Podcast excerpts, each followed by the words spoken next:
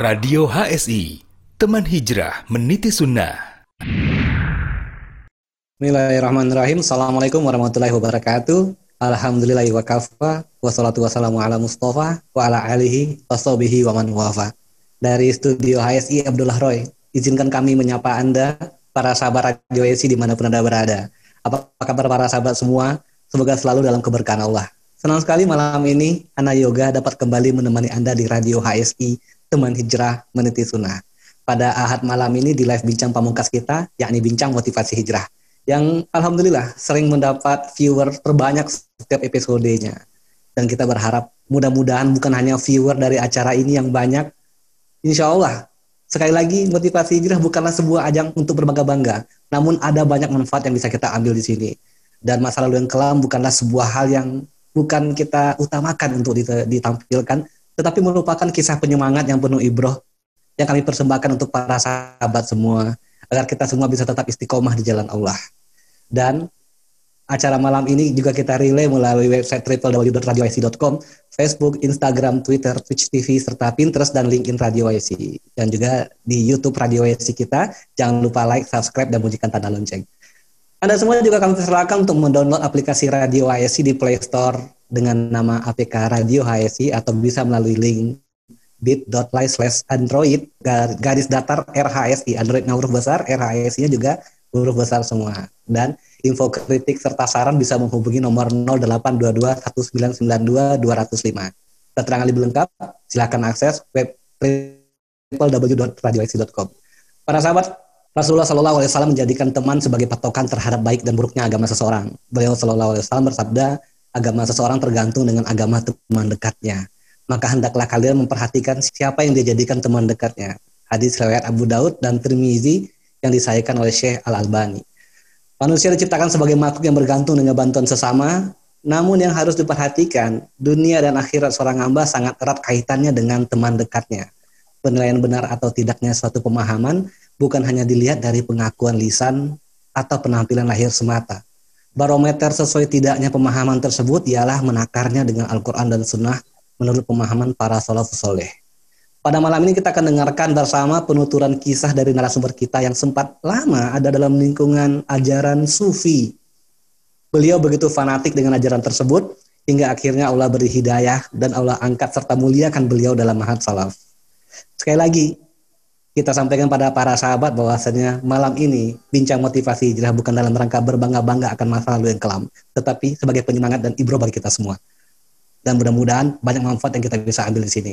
Baik, para sahabat, kita sapa dulu narasumber kita yang sudah terhubung dengan kita di studio HSI Abdullah Roy. Assalamualaikum warahmatullahi wabarakatuh, Mas Fatur Rahman. Waalaikumsalam warahmatullahi wabarakatuh. Masya Allah. Mas Fatur Rahman saat ini posisinya sedang berada di Pondok iya. Pesantren Tahfizul Quran Al Hadid ya? Iya. Alhamdulillah. Alhamdulillah, masya Allah baik. Para sahabat Radio ESI di mana pun anda berada, jujur sebenarnya kami di tim radio tidak menyangka bahwasannya narasumber kita malam ini sangat mudah belia dan mudah-mudahan ini juga jadi penyemangat bagi kita semua para sahabat di rumah bahwa usia usia muda bukanlah halangan untuk kita mengenal agama ini, mengenal manhaj ini. Contohnya narasumber kita malam ini bisa dalam usia muda beliau bisa menjadi penyemangat kita untuk motivasi hijrah kita pada malam hari ini. Baik, Mas Fatul Rahman, Afwan, kita cerita nih tentang kehidupan antum mulai kecil dari mulai katanya sempat menganut pemahaman sufi yang kodrullah fanatik dulunya ya sampai saat ini kemudian antum hijrah dan saat ini antum juga berprofesi sebagai seorang pengajar ya, pengajar di Pondok Pesantren Tahfizul Quran Al Hadid ya. Iya, alhamdulillah. Satu Rahman. Nah, masya Allah, masya Allah. Mudah-mudahan uh, ya. Allah tetap tegarkan antum, Allah tetap tegarkan kita semua di mahat yang lurus ini. Baik, ceritanya dulu kenapa antum bisa kenal uh, amin. dan amin amin. Kenapa antum bisa kenal dan ada di lingkungan yang beraliran sufi atau berpemahaman sufi seperti itu? Apa memang diajarkan oleh orang tua atau gimana tuh? Tepat Mas Rahman. Ya, sebelumnya memang orang tuanya kan eh, backgroundnya sufi lah. Ya. Backgroundnya sufi, terus mereka memasukkan anak ke salah satu pondok di daerah sana sufi juga gitu. Nah, orang tuanya itu masukin anak ke pondok yang sufi. Masya Allah. Jadi antum dari kecil memang sudah terbiasa dengan lingkungan pondok pesantren? Iya. Dari kecil, dari tamat SD. Nah, masya Allah. Dari tamat SD, berarti ketika SD antum mendapatkan pendidikan sekolah formal ya, bukan di pondok ya? Iya, kayak anak biasa lah, anak umum gitu. Oh, salah. Dan, dan orang tua antum dengan pemahaman sufinya, memang dari kecil mengajarkan hal-hal yang memang sesuai dengan ajaran sufi dan atau mengarahkan antum untuk memasuki pondok pesantren sufi sejak SMP. Iya. Nah, antum pada saat itu tidak tahu sama sekali mungkin ya apa itu sufi, apa itu sunnah. Pokoknya masuk saja ke pondok pesantren asal itu adalah pondok pesantren Islam masuk berarti benar gitu ya? Ya, dulu tidak tahu. Karena kan pas dulu baru lulus dari SD umum kan, langsung nah. masuk pondok. Intinya nah. pondok. Jadi tidak tahu apa pun gitu. Nah, eh, nah, nah, perasaan antum ketika masuk pondok pesantren itu gimana tuh? Karena dari SD yang sebelumnya tidak kenal apa-apa, kemudian walau kalau kita masuk ke sebuah pendidikan agama mungkin rasa hati mungkin lebih lebih apa namanya lebih tentram atau apa. Nah, antum merasakan juga nggak meskipun itu ajarannya kita tahu itu salah pada saat itu, antum merasakan kedamaian dan tidak antum merasakan ada sesuatu yang uh, resah di hati atau gimana? Tepat dong. Pas awal-awal lah, biasa lah, anak pondok sedih.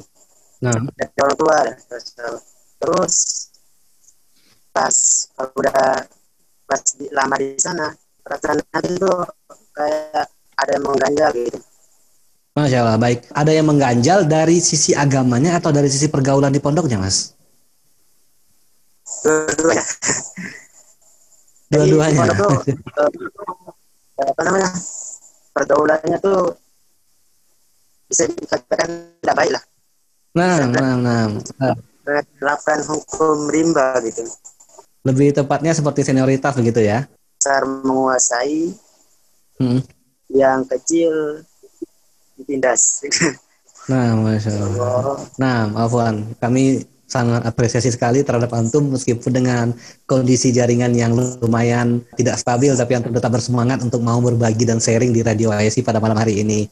Baik tadi anak tangkap dan anak sampaikan kembali kepada para sahabat Radio ASI mungkin yang tidak bisa menangkap tadi ceritanya Mas Fatur Rahman, beliau masuk ke pondok pesantren pada saat itu beliau tidak paham apakah itu ajaran sufi kah atau ajaran sunnah kah atau sebagai macamnya yang, yang jelas beliau masuk dan ternyata ada rasa ketidaktenangan di sana ya Mas ya, baik karena pergaulannya di sana ataupun karena uh, ajaran yang disampaikan di sana. Nah, kita belum sampai ke ajarannya dulu. Tadi Mas Fatur Rahman juga sudah cerita, antum mendapat perlakuan penindasan dari para senior. Mungkin untuk kita garis bawahi, tidak semua pondok pesantren mungkin seperti itu ya Mas Fatur Rahman ya. Jangan sampai mungkin para sahabat DWC ataupun pemirsa di rumah menganggap pondok pesantren sebagai sebuah tempat buangan. Wah mas jangan jangan sampai seperti itu.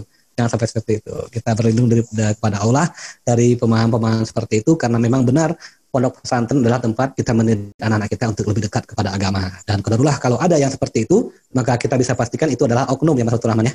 Iya nah. jadi uh, tergantung santrinya. Tergantung santrinya betul. tidak semua pondok pesantren. Jadi pelajarannya juga di sana tuh uh, bukan hanya sufi aja lah tapi termasuk tasawuf, torekat dan uh, ilmu kalam banyak kita pelajari di sana. Subhanallah. Antum tetap menikmati kalau anak tidak kalau anak boleh uh, dalam tanda kutip menikmati tetap kukuh belajarnya dengan cara-cara seperti itu meskipun ada tekanan dari senior-senior antum di sana para santrinya. Ya, dipaksain gimana ya? Karena dorongan orang tua juga. Subhanallah. Dorongan orang tua harus tetap diam di sana. Jadi mau tidak mau kalau anak nah, nah berarti kalau anak tangkap antum merasa tidak nyaman. Lebih tepatnya kepada perlakuan senioritas yang ada di sana. Tetapi antum masih tetap mengikuti pembelajaran itu karena rasa hormat dan sayang antum kepada orang tua ya Iya. Masya Allah, Masya Allah. Mudah-mudahan meskipun antum belum tahu pada saat itu kalau itu salah, tapi Allah memberikan pahala atas rasa hormat antum kepada orang tua antum. Baik, kita sambung lagi ketika antum pulang, uh, antum menceritakan kepada orang tua antum apa yang antum dapat di pondok pesantrennya? Iya, kadang-kadang kalau ada yang berlebihan gitu. Dan, nah? perlakuan mereka atau pelajarannya uh, sampai kalau hanya masalah sepuluh ya tidak sih Nah, nah, nah, nah. Baik, dan dari orang tua tanggapannya seperti apa? Ya, karena orang tua juga pernah mondok lah, jadi memaklumi gitu.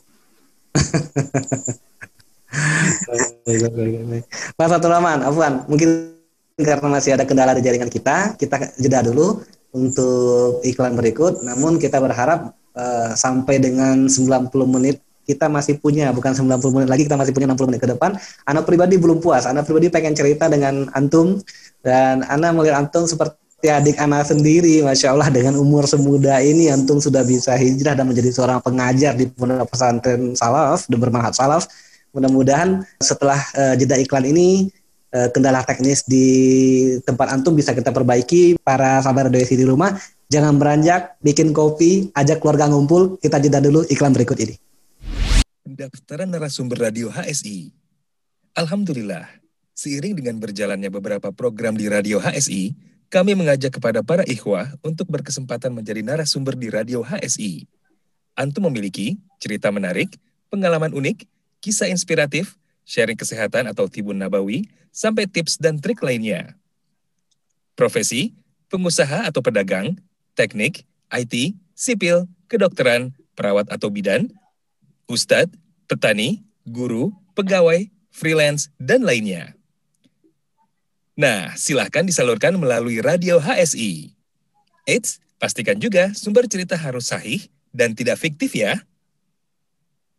Berikut adalah program Bincang Radio, Bincang Wirausaha, Bincang Kesehatan, Bincang Motivasi Hijrah, dan lain-lain. Yuk ikut bergabung dan ramaikan. Insya Allah, kebaikan sekecil apa pun yang kita berikan dapat menjadi jalan kebaikan yang besar bagi orang lain. Kita tunggu sharingnya ya. Jazakumullahu khairan. Barakallahu fikum. Radio HSI, teman hijrah meniti sunnah. Radio HSI, bersama melawan COVID-19. Sahabat Radio HSI, musim pandemi masih berlangsung di negara kita. Tingkatkan iman dan takwa kita Semoga Allah Subhanahu wa Ta'ala mengangkat musibah ini. Mari bersama kita secara disiplin terapkan adaptasi kebiasaan baru sebagai wujud kontribusi kita di dalam memutus rantai penularannya. Berikut kebiasaan baru yang harus kita terapkan. Satu, pakai masker. Dua, sering cuci tangan dengan sabun dan air mengalir. Tiga, jaga jarak 1-2 meter. Empat, perbanyak asupan gizi dan vitamin untuk tubuh kita. Lima, hindari bepergian tanpa keperluan yang penting atau mendesak. Sahabat Radio HSI, mari bersama-sama kita hentikan penularan COVID-19. Radio HSI, teman hijrah meniti sunnah. Sahabat Radio HSI, untuk menjadikan weekend Anda lebih bermanfaat, akan hadir menemani Anda dengan berbagai program menarik berikut ini. Setiap Jumat dengan program Bincang Wira Usaha. Melaporkan secara tetap begitu ya. Oh, iya. Konteksnya lebih luas lebih luas sama ya. Iya benar. Jadi ini baru dua cabang, kemudian tidak akan berencana buka lagi mungkin mas. Fokus dulu pada dua ini ya. Ya sampai kondisi juga ya mas sekarang benar, benar. masih. Setiap Sabtu dengan program Bincang Kesehatan. Nggak mau belajar gitu, kita kalau nggak mau belajar jadi terus saja kita akan takut terus itu uh, apa namanya ya lebih baik kita mempelajari sehingga kita tahu langkah-langkah apa yang harus kita lakukan untuk mengatasi kolesterol ini gitu mas. Um. Dan setiap ahad dengan program bincang motivasi hijrah. Tidak memundurkan antum atau tidak mematahkan semangat antum untuk tetap jadi peserta ya pak? Alhamdulillah enggak ya karena ini se sebenarnya mimpi anak dari dulu gitu dulu ketika mulai ngaji, uh, mulai ikut-ikut kajian yang lebih intens. Ingat, pukul 20 hingga 21 lebih 30 menit waktu Indonesia bagian Barat. Jangan lewatkan kisah-kisah menarik, menginspirasi, dan bermanfaat. Anda juga bisa berinteraksi langsung dengan para narasumber melalui line interaktif di 0811 37074. Barakallahu fikum. Radio HSI, teman hijrah meniti sunnah.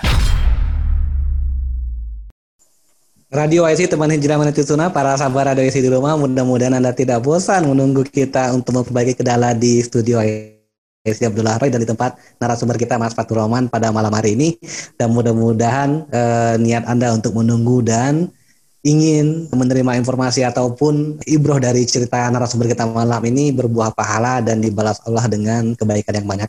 Baik, kita mulai lagi dengan narasumber kita. Mas Fatur Rahman masih bisa dengar Ana? Ya, Alhamdulillah. Alhamdulillah, alhamdulillah. Mungkin salah satu caranya seperti itu ya. Baik, kita hanya capture uh, gambar antum dan kita hanya dengan suara. Baik, kita tadi cerita. Antum mengatakan orang tua antum sudah juga lulusan pondok pesantren. Nah, kemudian antum mendapat perlakuan-perlakuan yang tidak menyenangkan dari oknum-oknum santri di sana yang boleh dikatakan para senior antum. Nah, ini berjalan terus sampai dengan antum naik kelas, kelas di kelas 2-nya juga seperti itu? Iya, bahkan kelas 2-nya itu memburuk gitu.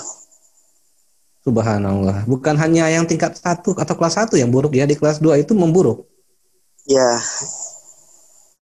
Itu karena apa tuh Mas, lebih kurangnya? Enggak tahu juga. eh, intinya gitulah kalau orang-orang yang dikatakan sok gitu kayak rajin gini-gini pasti diganggu lah di sana. Oh, berarti antum pada saat menjalani pendidikan di pondok pesantren tersebut adalah salah satu santri yang boleh dikatakan rajin mengikuti semua kegiatan dan pembelajaran dari ustadznya ya? Ya, alhamdulillah. Nah, nah, nah. Oke, ketika antum di sana, yang antum sadari sekarang kalau itu salah, kira-kira seperti apa saja yang diajarkan dari pondok pesantren itu yang antum ketahui sekarang itu salah? Seperti apa itu Mas? Seperti anu lah. Zikir kan mayoritas sufi itu kan identik dengan zikir lah. Zikir hmm. seribu, kayak seribu, satu juta gitu. Tahan ya zikir satu juta ya? Ya gitulah. Dan, Dan pada enam tahun teman terus kan nggak apa setelah belajar bahwa zikir itu juga ada tuntunannya gitu betul betul sekali. Dan semua apa pun yang ada di atas agama ini ada tuntunannya tidak berdasarkan akal logika. Nah ketika antum menerima pembelajaran seperti itu ada rasa malas nggak? Atau ada, ada rasa logika ini kok kayak nggak benar? Satu juta? Itu juga itu sebuah hal yang susah untuk dilakukan itu. Gimana? Atau ada atau ada rasa memang pengen ini benar-benar ini yang benar deh bukan? Yang penting lakuin aja gitu. Setiap anak belajar atau ngamalin apa yang dibilang Ustadz di sana selalu ada rasa tidak serak gitu di dalam hati kan. Mm-hmm. mungkin itu fitrah lah. Tidak tahu tidak bisa jelasin juga. Betul, betul. Selalu ada kayak anu rasa belajar gitu di hati. Walaupun tetap belajar gitu. Betul betul.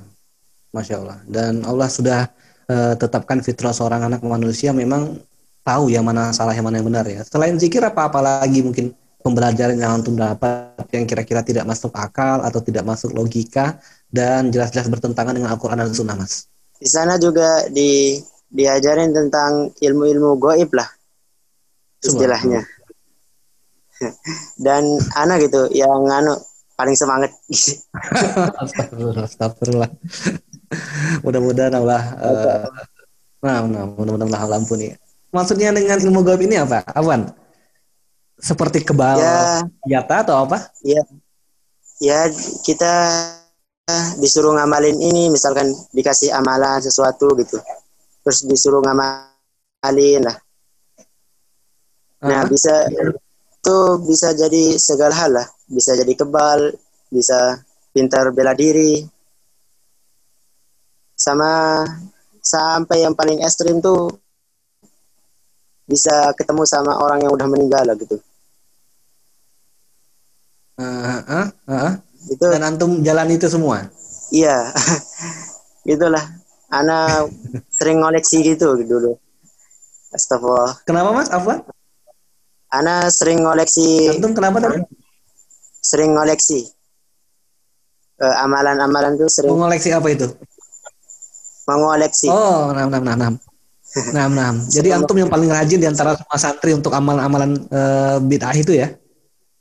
Iya astagfirullah. Nah, nah. sampai oh mas. Kita menjadi pelajar kita. Nah coba dong. Ya sampai ilmu santet juga ada gitu. Astagfirullah, astagfirullah. Itu diajarkan di sebuah pondok pesantren? Uh, bukan diajarkan sih, tapi tidak dilarang gitu. Kalau pembelajarannya sendiri secara, secara ini gimana? Diam-diam gitu. Maksudnya iya. seorang ustadz, seorang ustadz yang ada di sana mengajarkan itu pada para santrinya meskipun itu tidak sesuai dengan kurikulum para pondok pesantren itu. Iya. Dan diketahui oleh mudir atau kepala sekolah dari pondok pesantren itu? Iya, ya, mudirnya juga termasuk kalau di sufi itu disebut waliullah. Waliullah lah. Jadi dia yang paling banyak karomah di kita bilang. Antum lihat apa aja di karomahnya? Kalau anda boleh tahu. Yang dia ngaku-ngakunya karomah itu, antum lihat apa aja? Yang pernah uh, antum saksikan? Yang pernah anda saksikan ya. Dia itu kayak bisa munculin mata air gitu munculin mata air jadi dari uh, nah gimana caranya? Dengan mengangkat tangannya atau menyebut zikir-zikir tertentu atau dia nunjuk sesuatu? Enggak. Dia dia baca zikir tertentu lah. Terus dia garuk tanah sedikit lah. Terus digali hmm, sama keluar air. keluar air banyak gitu. Yang anak pernah saksikan gitu. Apa ya. Dia baca zikirnya, dia garuk tanah sedikit, kemudian para santrinya melanjutkan menggalinya. Iya, terus keluar anu deras gitu airnya. Oh iya. Dan itu yang uh, iya, seperti hmm, ya seperti kita ketahui kalau Allah mengatakan kalau Allah memang ingin eh, sesat ya sesat sekalian gitu ya. Allah sesatkan mereka dengan sesat-sesatnya dan tanpa mereka sadari itu adalah dengan bantuan jin ya. Iya, dengan bantuan jin sampai ada tuh anaknya lah anaknya pemimpin pondok mudirnya hmm. tuh bisa katanya bisa nurunin hujan gitu. Masya Allah Astagfirullah Astagfirullah kayak dan dan antum melihat melihat dia menurunkan hujan? Dia tuh dulu sih hujannya itu dia ano apa dia ndak mendung gitu. Tiba-tiba hujan tapi ndak mendung gitu. Dan dia tidak sadar kalau misalkan yang bisa menurunkan hujan itu hanya Rob, hanya Rob sang penguasa alam. Wallahu alam, nggak tahu. Oke, okay, Ana balik ke antum. Antum belajar uh, ilmu bela diri juga tadi di pondok pesantren itu? Enggak, Ana belajar anu, ilmu gaib lah istilahnya. Kalau ilmu bela diri seperti apa? Bisa menghilang? Ya, Nah, tadi antum sudah sampaikan ada ilmu gaib yang antum pelajari seperti kebal dan sebagainya macamnya. Kemudian yeah. uh, ada juga antum sampaikan yeah. ada bela dirinya. Ini tiba-tiba antum cuma mengamalkan zikir-zikir tertentu, lalu tiba-tiba antum bisa bela diri, atau antum belajar bela diri dulu dan ada zikir-zikirnya sebagai tambahannya, atau gimana? Ya kita amalin aja gitu. Cuma ngamalin langsung bisa bisa bela diri lah. Berarti dirasuki jin ya? Iya kayak gitu lah dirasukin jin gitu Astagfirullah, astagfirullah. Dan kita tahu dari sirah Nabawiyah Rasulullah, Rasulullah manusia terbaik yang kepada beliau turun wahyu Allah. Beliau ikut berperang, beliau tidak punya ilmu kebal, rahang beliau gigi beliau berdarah ketika perang dan ini tidak pernah diajarkan ke santri seperti itu, Mas. Tidak pernah. Anak tahu dia yang Rasulullah tentang detail Rasulullah gimana itu pas ana belajar tentang manhaj salaf. Jadi pas ana di SMP itu buta lah tentang anu, gimana nabi yang sebenarnya gitu. Berarti memang berlomba-lomba dalam hal ilmu gaib saja mungkin yang membuat para santri semangat. Di sana juga termasuk rujukan ilmu nahu lah di sana. Ilmu nahu sorof. Baik, ilmu alatnya dapat tapi ya. Makanya banyak orang ke sana gitu. Nah, berarti selain untuk sekedar apa namanya memperlihatkan keindahannya kepada dunia luar, terkenalah pondok pesantren ini uh, hebat ilmu nahu dan sorofnya ya. Iya. Dan orang-orang luar, ini anak pengen pastiin lagi, orang-orang luar, masyarakat atau para orang tua yang ingin menyekolahkan anaknya ke pondok pesantren tersebut tidak tahu tentang pembelajaran-pembelajaran ilmu gaib ini. Tahu, bahkan karena kiainya atau kalau di daerah itu disebut tuan gurunya banyak karomah makanya orang-orang tua tuh lomba-lomba gitu buat masukin anaknya ke sana. Baik. Dan ini merupakan kebodohan yang sangat nyata dari masyarakat kita yang perlu kita edukasi ya Mas Fatur Rahman ya. Iya ya Allah. Uh, kemudian orang tua antum juga tahu antum belajar ilmu gaib seperti itu? Iya, sebagian lah. Sebagian. Antum tidak ceritakan semuanya. Iya. Nah, baik. Antum tadi katakan di kelas 2 selain antum belajar ilmu yang tidak syar'i, bahkan mulai dikatakan ilmu yang uh, syirik karena meminta bantuan jin, melakukan amalan-amalan yang tidak diajarkan oleh uh, Allah dan Rasulnya, antum juga mendapat perlakuan yang lebih buruk dari senior-senior antum. Ini konteksnya seperti apa? Anak anak kurang paham karena biasanya yang paling banyak mendapat perlakuan buruk itu adalah para siswa baru yang dalam artian uh, kelas 1. Nah, di kelas 2 ini kan antum katanya sudah belajar ilmu goib, kemudian masih mendapat perlakuan seperti itu. Ya, gitulah. Jadi anak tuh dulu termasuk orang yang kecil gitu. Kecil, cebol. Kecil ukuran tubuhnya, Awan. Kecil ukuran tubuhnya pas SMP itu kecil banget gitu jadi mudah dianu gitu mudah diganggu pendiam juga orangnya karena pendiam gitu hmm. Apa antum melakukan hal yang sama kepada junior antum yang baru masuk pesantren? Hmm, alhamdulillah. Enggak gitu.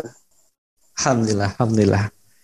Karena biasanya orang yang melakukan hal-hal seperti itu adalah orang-orang yang dulunya tidak mendapat perlakuan seperti itu, tapi hanya melihat. Ketika orang-orang yang mendapat perlakuan seperti itu tahu gimana sakitnya dan tidak akan melakukan hal yang sama kepada orang lain ya mas ya. Iya, jadi karena anak tahu gimana sakitnya diganggu itu, jadi hmm. kasihan lah sama adik-adik kelas. Hmm. hmm, hmm. Oke, okay. uh, eh, nah, nah. Kemudian dari ilmu gaib yang antum dapatkan, kita berpindah dulu ke ilmu nahu dan sorof tadi. Nahu dan sorof yang katanya cukup luar biasa diajarkan di sana. Hal-hal positif apa mungkin yang bisa antum dapat di sana? Selain nahu dan sorof, apa lagi? Ilmu sana itu belajar ilmu nahu, sorof, tajwid, mm -hmm. khot juga, khot, khot uh, Arabi, mm -hmm terus bahasa Arab alhamdulillah. Hmm. baik di sana. Hmm. dan usul fik banyak itu usul fikih juga? Sudah sesuai ya. dengan tuntunan Al-Quran dan Sunnah juga usul fikihnya hmm, enggak enggak ya pasti ya kalau ilmu enam tepat kalau belajar fikih di sana juga eh, fanatik fanatik gitu gimana tuh mas fanatik ya Afwan Oh, jadi apa pun yang Ustadz katakan itu pasti kita percaya gitu. Uh -uh. Kalau kita pertanyakan gimana? Kan tentang wudhu lah. Mm -mm. Atau sholat. Mm -mm. Kalau gimana ya? Oh lah. Lupa. Jadi kalau ada tentang wudhu dan sholat yang tidak sesuai dengan tuntunan saudara Rasulullah diajarkan oleh Ustadz Antum, pokoknya nggak boleh membantah. Iya, apa pun yang mereka bilang intinya kita ikut aja gitu percaya gitu ada kejadian santri yang membantah enggak sih enggak ada enggak. Ya? karena enggak berani jadi semuanya ikut iya jadi anak rasakan ada tekanan-tekanan Nah, e, tidak ada diberikan santri untuk berpikir secara jernih sesuai dengan tuntunan e, Allah dan Rasulnya dan lebih kepada tekanan-tekanan tertentu dan intimidasi-intimidasi tentu baik baik dari santri senior maupun dari para pengajarnya, Mas. Ya, kalau pengajarnya tidak terlalu lah. Tidak terlalu. Alhamdulillah. Ya. Hmm. Iya. Dan dan hukuman seperti apa jika ada santri yang melanggar, Mas? Biasalah kalau di pondok tuh hmm. ya, hukum dipukul gitu. Nah misalkan ada yang mencuri satu, hmm. mencuri apa gitu. Nah kalau ndak ngaku tuh semua ikut anu kepukul gitu. Yang anda pahami kalau misalkan ada satu yang mencuri, misalkan antum ada satu grup nih, satu grup satu angkatan antum, itu semuanya dihukum oleh ustadznya. Iya, misalkan dia mencuri anu mangga mangga masyarakat misalkan, hmm. terus masyarakatnya komplain, Hmm. Nah, kalau ndak ngaku, yang satu tuh satu pondok kena semua gitu. Dihukumnya seperti apa, Mas? Dipukul lah. Pakai anu. ini, nah? Dipukul pakai bambu gitu.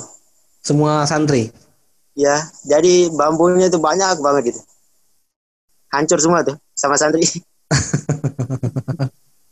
Dan santri yang santri yang dipukul tidak menerapkan ilmu kebalnya. Kan katanya udah pakai udah punya ilmu kebal tuh. Ya kalau ilmu-ilmu kayak gitu sebagian santri lah yang yang punya. Dan antum pada saat itu merasa punya?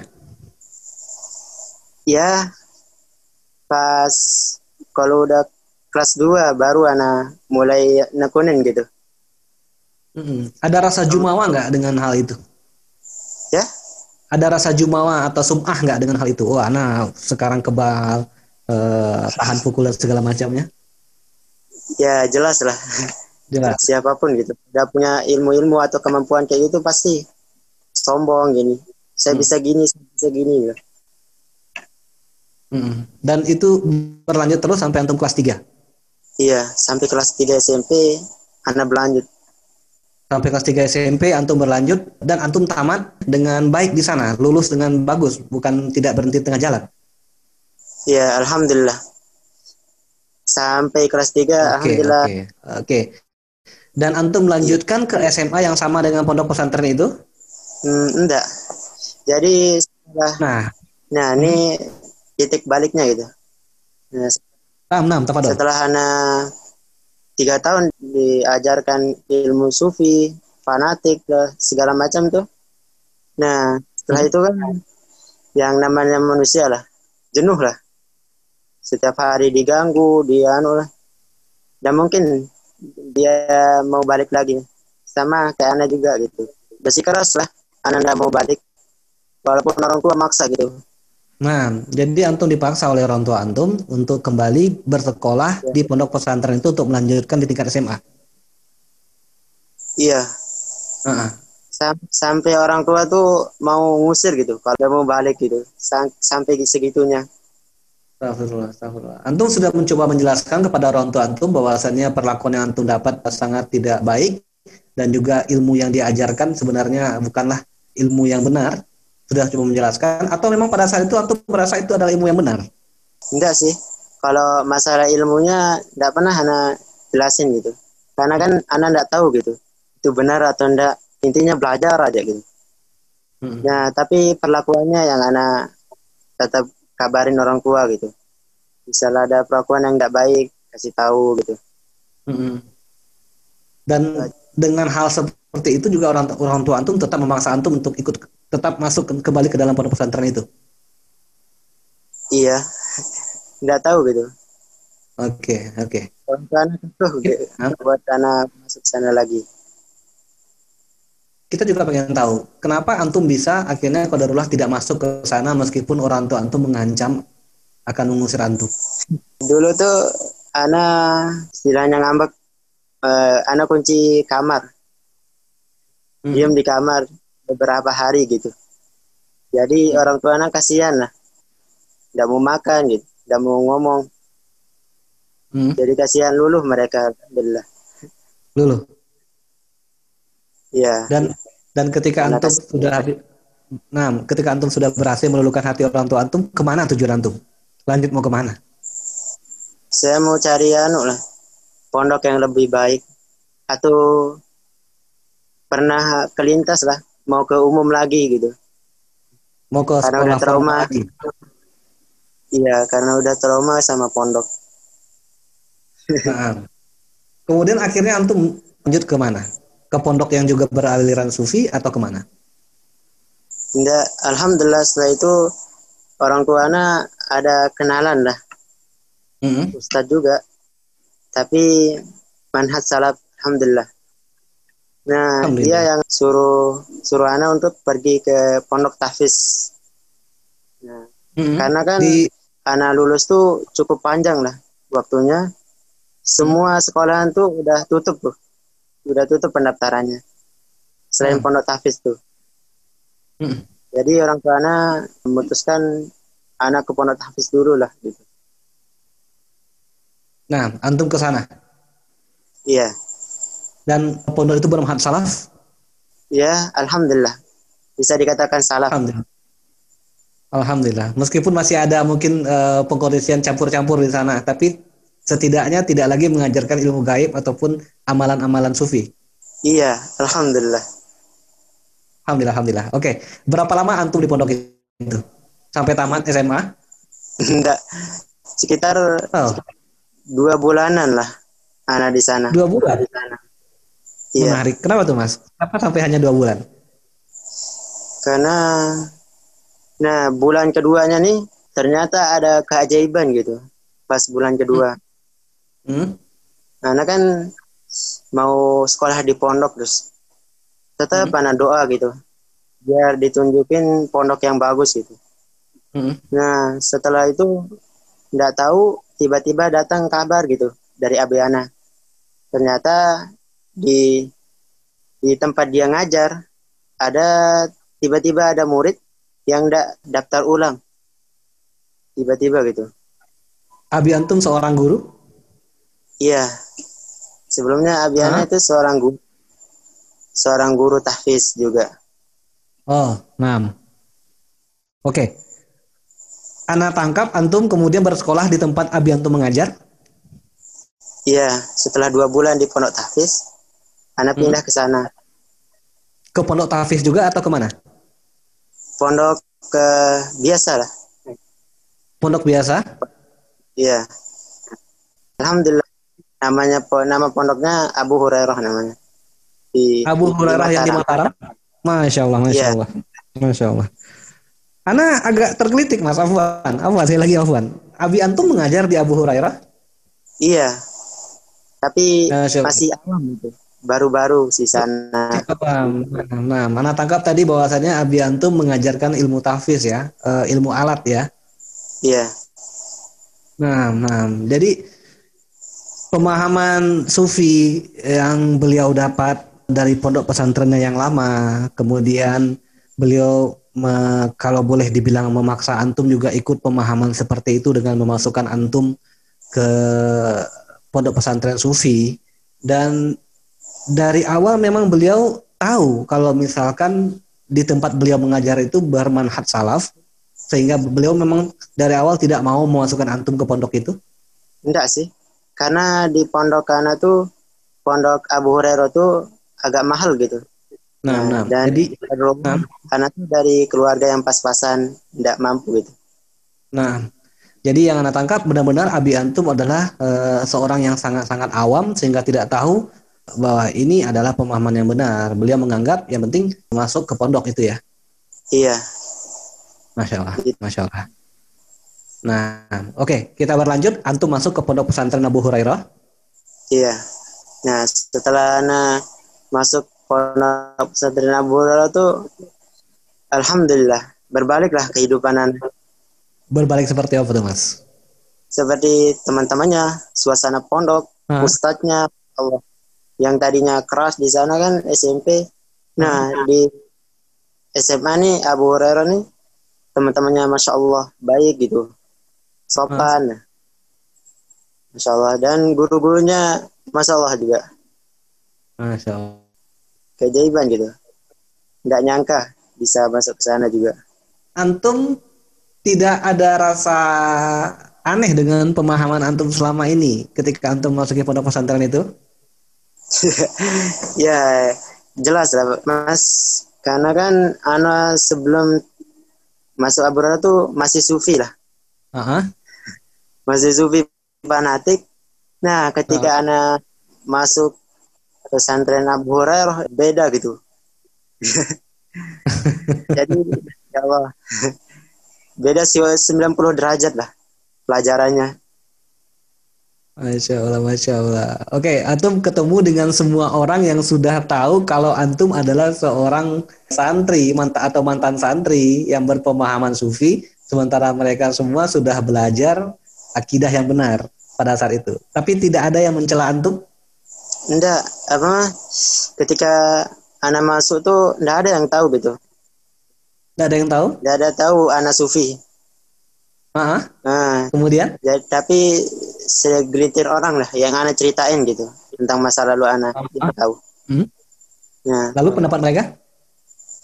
Nah, yang udah tahu nih e, mungkin baru belajar juga mereka atau apa sering debat jadi kita biasalah. jadi teman-teman antum mendebat pemahaman antum seperti itu?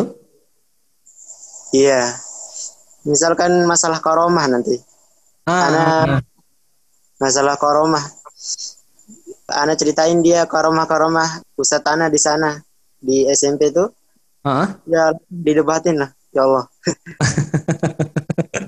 Oke oke, uh, Ana tertarik tentang karomah Ustadz Antum yang kemudian dibantah oleh teman-teman Antum. Kita akan bahas itu nanti. Namun sebelum itu kita jeda dulu iklan berikut ini. Pendaftaran narasumber radio HSI Alhamdulillah, seiring dengan berjalannya beberapa program di Radio HSI, kami mengajak kepada para ikhwah untuk berkesempatan menjadi narasumber di Radio HSI. Antum memiliki cerita menarik, pengalaman unik, kisah inspiratif, sharing kesehatan atau tibun nabawi, sampai tips dan trik lainnya. Profesi, pengusaha atau pedagang, teknik, IT, sipil, kedokteran, perawat atau bidan, ustadz, petani, guru, pegawai, freelance, dan lainnya. Nah, silahkan disalurkan melalui radio HSI. Eits, pastikan juga sumber cerita harus sahih dan tidak fiktif ya. Berikut adalah program Bincang Radio, Bincang Wirausaha, Bincang Kesehatan, Bincang Motivasi Hijrah, dan lain-lain. Yuk ikut bergabung dan ramaikan. Insya Allah, kebaikan sekecil apa pun yang kita berikan dapat menjadi jalan kebaikan yang besar bagi orang lain. Kita tunggu sharingnya ya. Jazakumullahu khairan. Barakallahu fikum. Radio HSI, teman hijrah meniti sunnah. Radio HSI, bersama melawan COVID-19. Sahabat Radio HSI, musim pandemi masih berlangsung di negara kita. Tingkatkan iman dan takwa kita Semoga Allah Subhanahu wa Ta'ala mengangkat musibah ini. Mari bersama kita secara disiplin terapkan adaptasi kebiasaan baru sebagai wujud kontribusi kita di dalam memutus rantai penularannya. Berikut kebiasaan baru yang harus kita terapkan. Satu, pakai masker. Dua, sering cuci tangan dengan sabun dan air mengalir. Tiga, jaga jarak 1-2 meter. Empat, perbanyak asupan gizi dan vitamin untuk tubuh kita. Lima, hindari bepergian tanpa keperluan yang penting atau mendesak. Sahabat Radio HSI, mari bersama-sama kita hentikan penularan COVID-19. Radio HSI, teman hijrah meniti sunnah.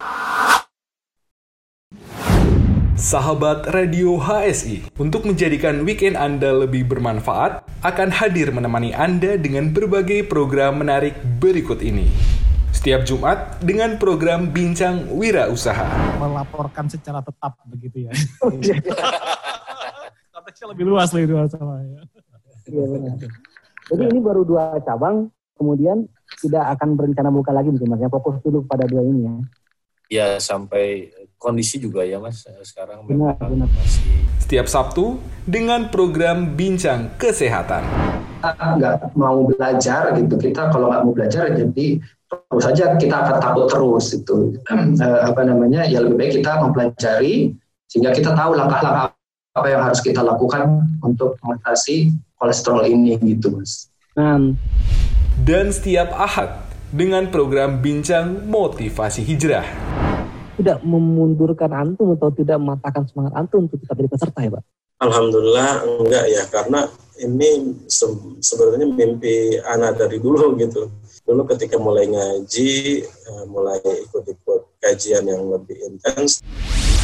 Ingat, pukul 20 hingga 21 lebih 30 menit waktu Indonesia bagian Barat. Jangan lewatkan kisah-kisah menarik, menginspirasi, dan bermanfaat. Anda juga bisa berinteraksi langsung dengan para narasumber melalui line interaktif di 0811 37074. Barakallahu fikum. Radio HSI, teman hijrah meniti sunnah. Radio HSI teman hijrah meniti sunnah masih bersama Ana Yoga dan narasumber kita Mas Fatur Rohman yang saat ini sedang menjadi pengajar di Pondok Pesantren Tafizul Quran Al Hadid dan alhamdulillah kita sudah sampai pada saat cerita beliau tentang sebuah permohonan. Jadi semua orang itu ketika ingin mencari sebuah kebaikan atau ketika ingin minta petunjuk kepada Allah macam-macam jalannya para sahabat. Ada yang meminta untuk ditunjukkan mana pemahaman yang benar. Dan uniknya beliau ini Mas Fatur Rahman ini beliau meminta untuk dimasukkan ke pondok pesantren yang baik, pondok pesantren yang bagus dan lurus. Dan kadarullah kalau Allah sudah berkehendak tidak ada satupun yang bisa menghalangi. Ketika semua sekolah, semua pondok pesantren sudah tutup dan beliau baru menjalani dua bulan di sebuah pondok pesantren yang belum sepenuhnya bermanfaat salaf. Kadarullah Allah takdirkan beliau pindah ke pondok pesantren Abu Hurairah di Mataram dan beliau bertemu dengan suasana dan lingkungan baru yang benar-benar semuanya bermanfaat salaf. Dan kita masih akan kulik terus beliau ini selama 25 menit ke depan insya Allah masih ada waktu kita. Baik, Mas Fatur Roman. Iya. Ah, Masya Allah. Tadi kita sudah cerita kalau antum uh, sering didebat. Oke, okay, sekarang Ana pengen tahu tentang pembelajaran di pondok pesantren tersebut. Ketika di pondok pesantren yang lama di SMP, antum tidak pernah diajarkan tentang akidah. Ana yakin di Abu Hurairah antum diajarkan tentang akidah. Nah, ada ketimpangan atau perbedaan yang besar nggak? ya, pertama kali Ana belajar akidah di sana tuh bertolak belakang lah sama yang anak belajar akidah di SMP. Nah, nah. Anak belajar di sana tuh cuma nyimak aja gitu. Bingung gitu. Yang di mana? Yang di SMA? Ya, karena kan baru-baru pertama masuk, jadi bingung. Ya, pelajarannya apa ya gitu. Dan dan antum tidak berusaha membandingkan antara apa yang antum dapat itu dengan apa yang antum dapat dapat di SMP dulu dengan apa yang antum dapat di SMA, nggak pernah berusaha membandingkan ya sering gitu lah sering hmm. ngelamun gitu kok beda okay. banget Nah, nah, nah. Kita kita pengen tahu dulu nih. Kita pengen tahu kalau kalau boleh supaya menjadi pembelajaran bagi para sahabat radio IC di rumah, apa-apa saja perbedaan paling menonjol? Mungkin antum bisa sampaikan nggak apa-apa detail panjang lebar tentang apa yang antum dapat di SMP dan apa yang antum dapat di SMA sehingga pemirsa tahu mana sebenarnya akidah yang benar. Tapi dalam masalah Rahman, kau apa? Mau mau lama, mau detail? agar ini bisa menjadi pembelajaran? Apa dok? Masalah perbedaannya ya, yang paling besar tuh masalah akidah lah. Masalah akidah. Nah, di SMP tuh kita belajar tentang akidah Asy'ariyah dan di sana belajar tentang sifat 20. Udah hmm. masyur lah sekarang mereka sifat 20 dan ketika anak belajar di SMA Abu Hurairah, Ana belajar tentang asma wa sifat. nah, jadi kebentur gitu, dar gitu. Masya Allah, Masya Allah. Dan tidak ada keinginan tuh untuk bertanya ke ustadznya? Ya, setelah Ana bingung, sering ngelamun lah. Jadi huh? Ana beranikan diri gitu.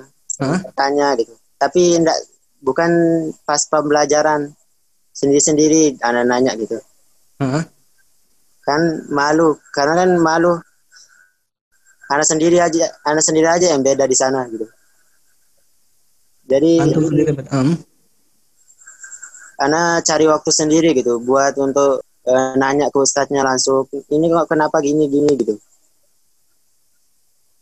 dan ustadznya bilang apa ya dijelasin lah panjang lebar tentang uh, akidah gini terus akidah asyariah itu gini gitu panjang panjang lebar lah alhamdulillah cukup terbuka Ustaz Ana gitu. Nah, dan antum bisa menerimanya pada waktu itu? Ya masih bingung. masih bingung ya Allah. Masih pusing lah. Pas kelas satu masih pusing. Uh-huh. Banyak banget perbedaan.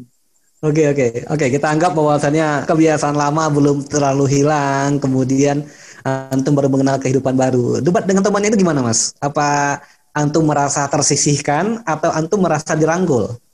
Beda-beda lah. Karena kan di semua pondok itu pasti ada yang kurang baik, ada yang baik lah. Betul. Jadi yang kurang baik nih, misalkan dia ketemu kesalahan lah, uh-huh. atau kebiasaan dulu, langsung didebat habis-habisan gitu. Uh-huh. Ya, karena anak sering didebat kayak gitu, itu yang menghalangi anak hijrah gitu. Uh, Jadi anak mau belajar gitu, tapi di debat gini kenapa ya gitu? Bingung sendiri jadi. Masya Allah satu pembelajaran yang sangat bagus yang kita dapat malam ini bahwasannya dari orang yang pengen hijrah saja adab kita untuk ikut merangkul dan adab kita untuk ikut mengajarkan kepada saudara-saudara kita yang ingin hijrah ini sangat perlu mas ya? Iya. Dan juga kalau dan kalau teman anak yang lain yang agak baik yang baik ya rangkul banget lah. Masya Allah. yang jelasin anak kenapa dia bilang gini kenapa teman anak yang debat itu koreksi anak gini lah Masya Allah lah sana Masya Allah, Masya Allah. Tapi antum tetap betah ya, ya di pondok pesantren itu? Ya, Alhamdulillah. Bersyukur banget anak masuk ke sana. Masya Allah, Masya Allah. Masya Allah. Oke, okay. anak pengen tanya tentang orang tua antum. Orang tua antum tidak melihat keseharian antum yang suka debat dengan teman-teman atau gimana? Enggak. Jadi nah. orang tua itu netral lah di sana uh jadi guru tahfiz tidak mau ikut campur segala macamnya enggak Masya. Nah, sampai kapan antum kok selalu berdebat dan selalu bingung dan sampai kapan an akhirnya antum merasakan Masya Allah ini adalah pemahaman yang benar, ini adalah jalan yang lurus dan jalan yang sudah anak tempuh sebelumnya adalah salah. Itu kapan titik baliknya dan gimana ceritanya? Kapan Mas? Nah, pas anak masih bingung tuh masih pas anak baru-baru di sana kelas satu lah nah kelas satu baru-baru sana masih bingung nah pas anak naik kelas alhamdulillah mulai ngerti sedikit gitu hmm. mulai ngerti bahwa agama ini butuh dalil dan segala macam lah hmm. nah tapi karena ke sebagian teman anak yang cara nasihatinya lah yang kurang baik atau tidak benar caranya lah. Itu hmm. itu sebenarnya yang menghalangi anak gitu. Untuk hijrah. Nah, nah setelah tapi setelah kelas tiga alhamdulillah gitu. Anak saking lamanya anak di sana setelah dua tahun tiga tahun anak di sana belajar lah. Anak belajar banyak gitu tentang akidah al-sunnah wal jamaah manhaj salaf ini Nah, pas kelas 3, Alhamdulillah Allah bukakan hati gitu. Buat hijrah ke manhaj salaf. Masya Allah. Kan, karena dengan dorongan teman karib lah istilahnya. Masya Allah. Jadi ada seseorang yang menjadi support bagi antum ya, sangat support untuk antum. Iya. Sekitar berapa ya? Dua atau tiga orang lah. Masya Allah, Masya Allah. Dan mereka yang selalu menemani antum dalam perjalanan antum meninggalkan semua ajaran sufi antum. Iya, dan juga walaupun kita itu teman karib, hmm. kita juga debat gitu.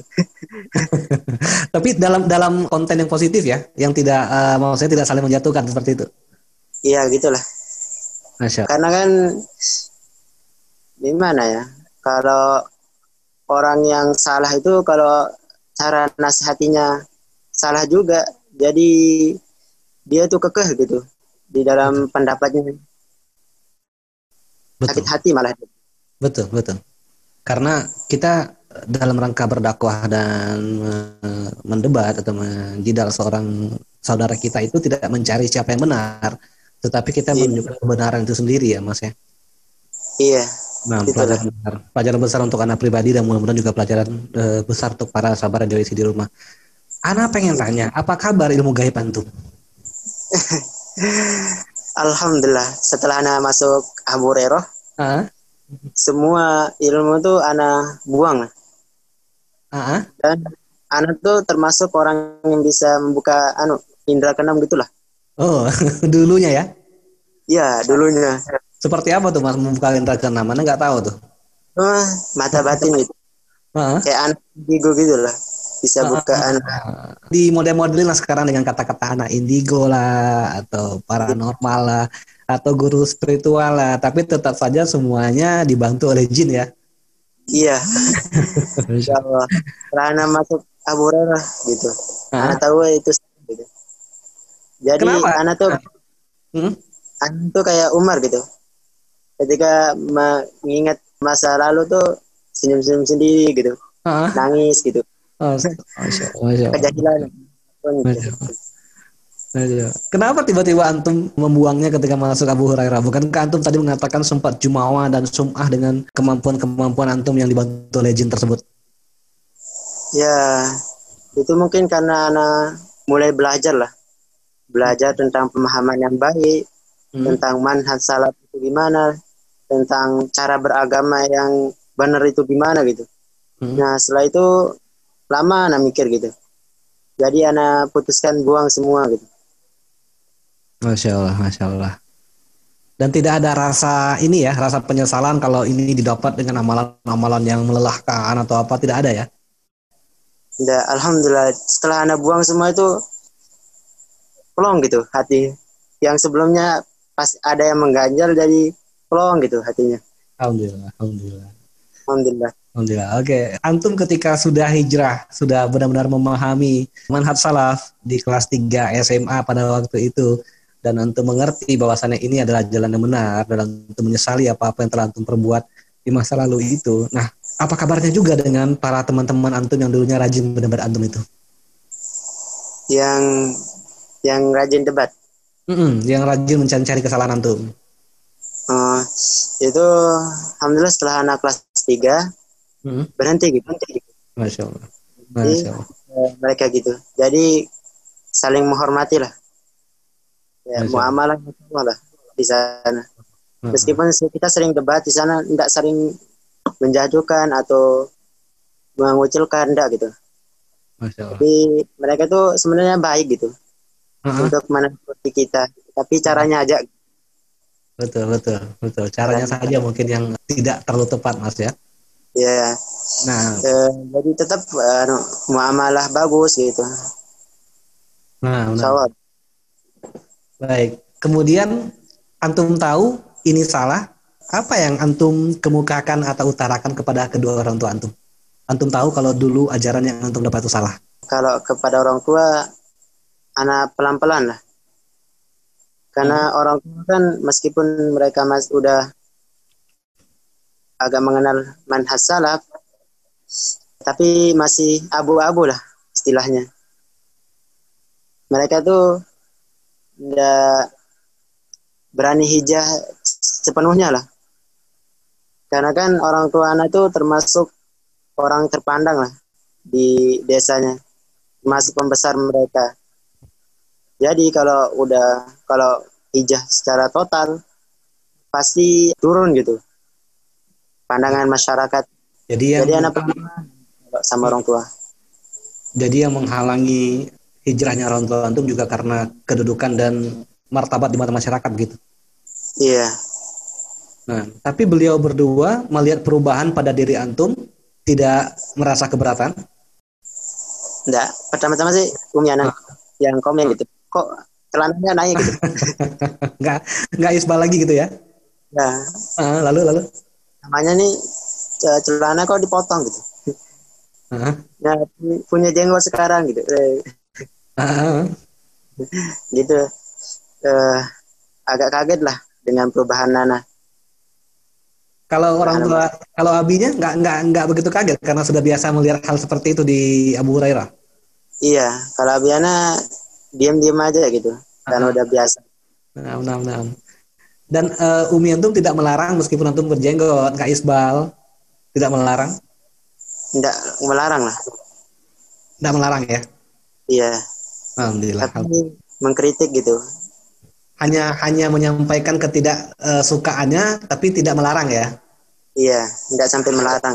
Masya Allah, Masya Allah. Baik, kita tadi cerita, Antum menikmati masa-masa tahun terakhir Antum di Abu Hurairah ketika Antum kelas 3 dan Alhamdulillah Alhamdulillah Allah berikan rezeki yang banyak, Allah berikan hidayah antum sehingga mata hati antum, kemudian pikiran antum benar-benar terbuka untuk menerima manhat yang benar ini, manhat salaf. Dan antum menyesali apa-apa yang antum pelajari ketika antum SMP dulu. Apa yang paling antum rasakan perbedaannya ketika antum benar-benar menjalani agama ini sesuai dengan dalil yang sahih dari Al-Quran dan Sunnah e, dibandingkan dengan ketika antum dulu menjalani sesuatu yang tidak ada dalilnya selama masa-masa antum di kelas 3 sampai dengan antum tamat? Apa yang terasakan mas? Hmm, kalau perasaan hati lah lebih tenang gitu. Mm-hmm. Gimana ya? Ketika anak masih dulu pas masih SMP masih sufi, nggak tahu apa-apa, pasti ada yang menggajar gitu, nggak tahu apa gitu. Mm-hmm. Ada yang kurang, gitulah. Mm. Nggak tahu, nggak bisa dijelasin. Nah setelah anak belajar, setelah anak belajar mana salaf yang bagus tentang cara agama yang bagus semua kebalik gitu jadi tenang kalau beribadah itu tenang gitu muamalah tenang Masya Allah. Tidak ada yang menggajar lagi. Masya Allah. Dan e, sampai dengan antum tamat, antum tamat iya. dengan bagus dan kemudian mengabdi di pondok pesantren tersebut atau gimana? Enggak. Kalau di Abu Hurairah enggak ngabdi. Hmm, oh, masih. Nah? Ya, jadi kalau udah kita tamat ya dipersilakan gitu untuk pergi ke universitas atau pondok melanjutin ke pondok lagi gitu. Hmm. Dan antum memilih apa? Dan ana pertama sih ana memilih pondoknya Ustadz Yazid Minhajus Sunnah. Nah, yang di Bogor. Iya, karena kan ana tuh masih agak kurang lah. Huh? Ana rasa tentang idah. Uh Ana mau belajar lagi Nah, tapi kan anak istikharah lagi ada yang menggajal gitu. Dan anak itu lebih milih pondok tahfiz sekarang gitu. Al-Hadid. Untuk, untuk menjadi pengajar atau untuk uh, belajar lagi? Untuk melancarkan Al-Quran gitu. Masya Allah, Masya Allah. Dan uh, pondok tahfiz yang antum ada sekarang itu antum sebagai santri atau sebagai seorang pengajar? Ya, sekarang alhamdulillah udah selesai uh, hmm. Al-Quran Alhamdulillah udah selesai dia sekarang jadi pengajar gitu di, di sini Masya Allah Masya Allah Nah sahabat-sahabat antum yang tadi bersama-sama dengan antum yang ikut merangkul antum untuk hijrah ke manhat salaf itu sekarang sama dengan antum di pondok tafis atau di mana? Ya nyebar lah. Ada yang hmm. ke Libya, nah, ada yang STDI Imam Safira banyak lah so, uh, ada yang ngajar umum nyebar lah kita Masya Allah. Baik, Mas Fatur Rahman sudah ada beberapa pertanyaan yang masuk ke ruang redaksi kita, namun mungkin karena keterbatasan waktu kita tidak bisa bacakan semua. Anda, anda bacakan mungkin satu atau dua pertanyaan. Pertama dari layanan interaktif kita, Mbak Tati Sulistiawati menanyakan kebiasaan yang bertahun-tahun sebagai sufi pastilah sudah menjadi kebiasaan. Bagaimana cara antum merubah kebiasaan yang sebelumnya keliru? Ini mungkin maksudnya dulunya antum yang terbiasa dengan zikir-zikir yang sampai ribuan, jutaan, kemudian e, banyak hal yang antum terbiasa. Bagaimana cara merubah dari kebiasaan tersebut ketika antum sudah memasuki Abu Hurairah? Apa dong, Mas Fatur Rahman? Ya, intinya tuh cara untuk merubah kebiasaan tuh e, dengan belajar Nah. Dengan belajar lebih banyak, insya Allah setelah kita mengetahui ilmunya gitu, mana yang benar, mana yang salah, insya Allah perilaku kita akan berubah juga. Rasakan gitu. Setelah anak belajar uh, lebih banyak tentang manhaj salaf, ya mungkin butuh proses lah.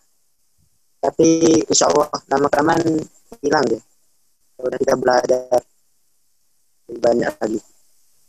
Nah, jadi caranya dengan belajar lebih banyak dan tetap memaksakan diri untuk belajar ya, Mas ya? Iya. Masya Allah. Baik. Pertanyaan, nah, pertanyaan kedua juga sekaligus mungkin pamungkas dan ini juga merupakan uh, motivasi juga mungkin bagi para ikhwah di luar sana. Dari Ah Abu Hisham yang sudah masuk juga ke ruang redaksi kita, pertanyaannya gimana pesan-pesan Mas Fatur untuk saudara-saudara kita di luar sana yang masih banyak yang belum sadar akan perangkap iblis dengan aliran-aliran tersebut. Ya, sumahnya, jumawannya mungkin Mas. Apa dari Mas Fatur? Pesan-pesannya ada motivasinya kepada para sahabat-sahabat atau para saudara-saudara kita di luar sana yang masih belum sadar akan perangkap iblis dalam ajaran uh, sufi tersebut. Tafadhol. Nah. Ya, pesannya untuk saudara-saudara anak yang masih melakukan atau masih awam lah tentang perangkap-perangkap iblis. Ya, tentunya lah. Iblis kan udah bersumpah lah dengan nama Allah. Fabi izzatika dengan eh, zatmu ya Allah aku akan lencengkan semua gitu. Jadi iblis itu akan mencari cara gitu. Segala macam cara. Walaupun dengan ki, uh, yang kita anggap itu baik gitu misalkan zikir. Misalkan zikir tuh bisa diubah-ubah uh, sama mereka gitu. Nah yang dulunya zikir itu baik mendatangkan pahala karena tapi karena perangkap iblis atau badla tentaranya mereka ubah-ubah gitu. Jadi di, bisa dibuat jadi segala macam gitu ilmu-ilmu gaib gitu. Bahkan Al-Quran juga mereka ubah-ubah gitu. Pengalaman anak tuh bukan sih mengajarkannya tapi pengalaman itu anak tuh satu ayat aja dalam Al-Quran tuh atau satu huruf aja dihilangkan terus diamalkan bisa jadi apa pun yang kita mau gitu. Apa pun yang kita niatkan bisa terjadi. Saking dasar tipu daya iblis. Jadi nasihat anak untuk teman-teman anak yang masih berkecimpung dalam dunia gaib atau kebal dan sebagai selainnya jangan terlalu terlalu mudah percaya gitu tentang ilmu kebal ilmu segala macam ilmu gaib gitu. Karena itu kan bagaikan pedang bermata dua gitu. Nah, ketika kita sudah menguasai ilmu gaib ini, tentu tentunya dengan bantuan iblis lah. Misalkan iblis atau syaitan bantu kita uh, untuk bisa menguasai ilmu kebal. Nah, tentunya kan syaitan itu tidak gratis kan kasih kita anu apa namanya tidak gratis kasih kita ke kemampuan gitu. Nah kalau dia mereka tidak minta ke kita pasti keturunan kita gitu diganggu.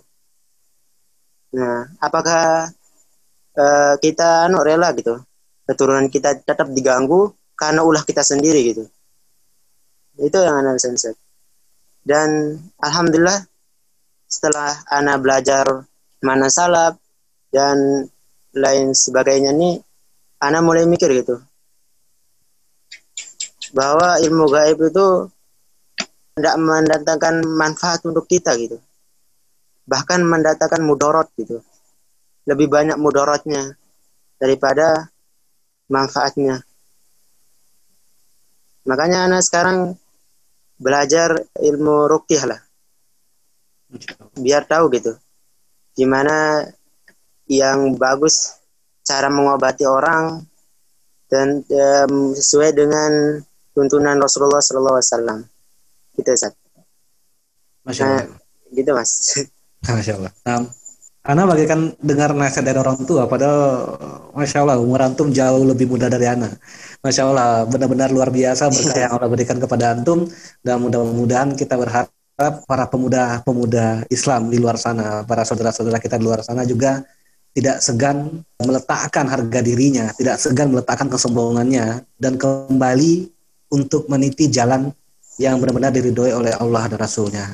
Dan mudah-mudahan banyak lahir Fatur Rahman Fatur Rahman lainnya yang akan menjadi pembela-pembela dakwah sunnah ini dan meninggalkan semua dakwah-dakwah yang bertentangan dengan apa yang di, telah digariskan oleh Allah dan Rasulnya. Baik, Mas Fatur Rahman, kita sudah sampai di akhir acara. Kami dari tim Radio YSI mengucapkan banyak terima kasih atas kehadiran antum pada malam hari ini. Dan bagi anak pribadi dan mudah-mudahan juga bagi para sahabat Radio di rumah, banyak sekali pelajaran yang bisa kita ambil malam hari ini dan benar sebagaimana yang telah kita sampaikan di awal acara tadi, teman duduk itu benar-benar menentukan. Ketika antum bertemu dengan orang-orang yang soleh, maka cepat atau lambat akhirnya antum terbawa menjadi soleh. Dan ketika antum bertemu dengan orang-orang yang e, mengajarkan maksiat, akan sangat cepat sekali kita juga terpengaruh untuk bermaksiat kepada Allah. Dan insya Allah pesan-pesan ini, motivasi ini menjadi penyemangat kita untuk kembali ke jalan yang benar.